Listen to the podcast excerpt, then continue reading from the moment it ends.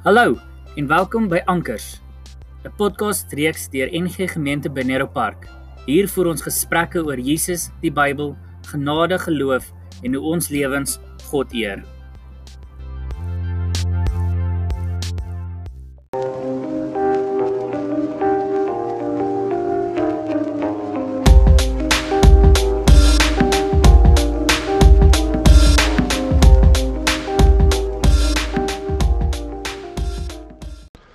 Goeiemôre. Dit is vandag die 1 Oktober. Die mooiste mooiste maand.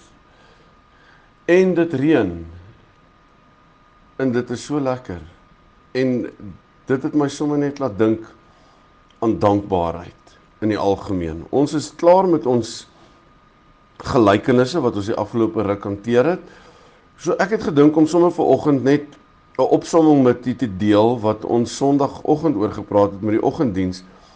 En ons tema was om die lewe te vier. Dankbaarheid terwyl ons die lewe vier. En ons het net een versie gelees, 1 Tessalonisense 5 vers 18. Paulus skryf daar vir die ouens in Tessalonika, dan sê hy: "Wees in alle omstandighede dankbaar, want dit is wat God van julle as Christene verwag." Ek het 'n mooi storie gelees so ruk terug van 'n blinde seun wat op een van Londen se besige straathoeke gebedel het en hy het 'n hoed voor hom op die grond gehad met 'n bord wat hy vashou in sy hand en daarop staan help asseblief ek is blind. Nie baie mense het geld gegee nie. Baie mense het maar net verbygestap om nie raak gesien nie. En toe is daar 'n man wat gereeld daar verbyloop en hy stop en hy gooi 'n paar muntstukke in die hoed, maar hy vat ook die bord en hy draai hom om en hy skryf iets op die ander kant. En met daardie kant wat vorentoe wys, druk hy dit terug in die seun se hande en hy loop Later die middag toe hy terugkom na werk, toe sien hy daar's baie meer geld in die seun se hoed en hy vra toe vir hom vir die seun, "Hoe gaan dit vandag?" Toe sê hy, "Nee, ja, dit het baie beter gegaan. Is jy die een wat iets geskryf het op die bord?" Toe sê hy, "Ja." Toe vra hy, "Oké, okay, wat het jy geskryf?" Toe sê hy, "Ek het net die waarheid geskryf, maar effens anders as wat jy reeds op die bord gehad het." Hy sê toe, "Ek het geskryf, vandag is so 'n mooi dag, maar ek kan dit nie sien nie." Ons laat so maklik toe dat ons omstandighede ons verblind amper en definieer ook. Soos hierdie seentjie het gesê, ek is blind, dis wie ek is.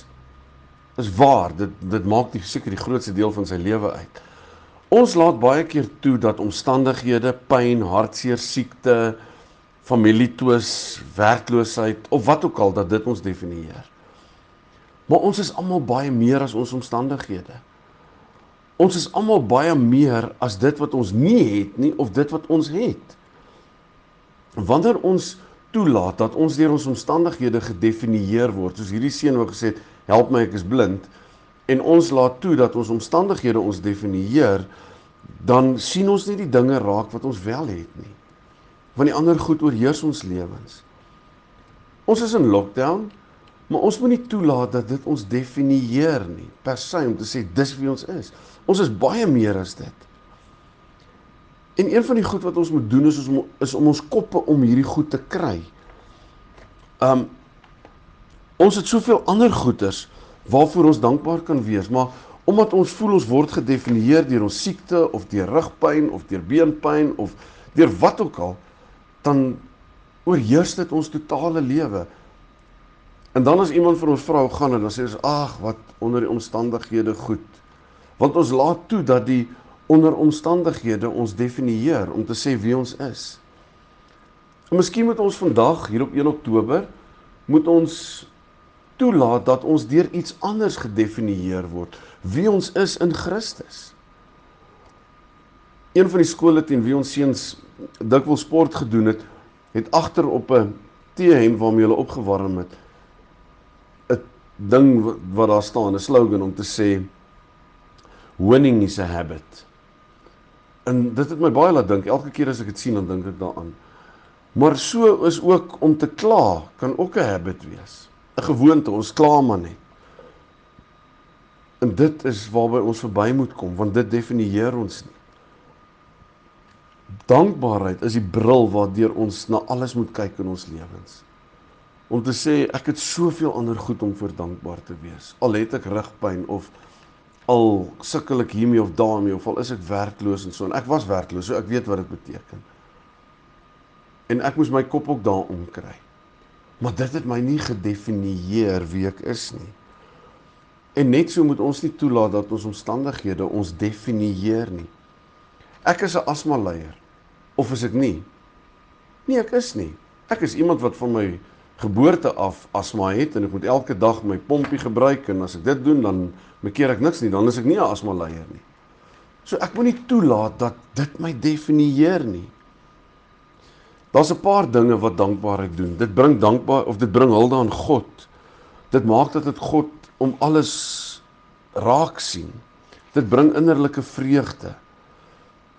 Dit maak my tevrede met wat ek het.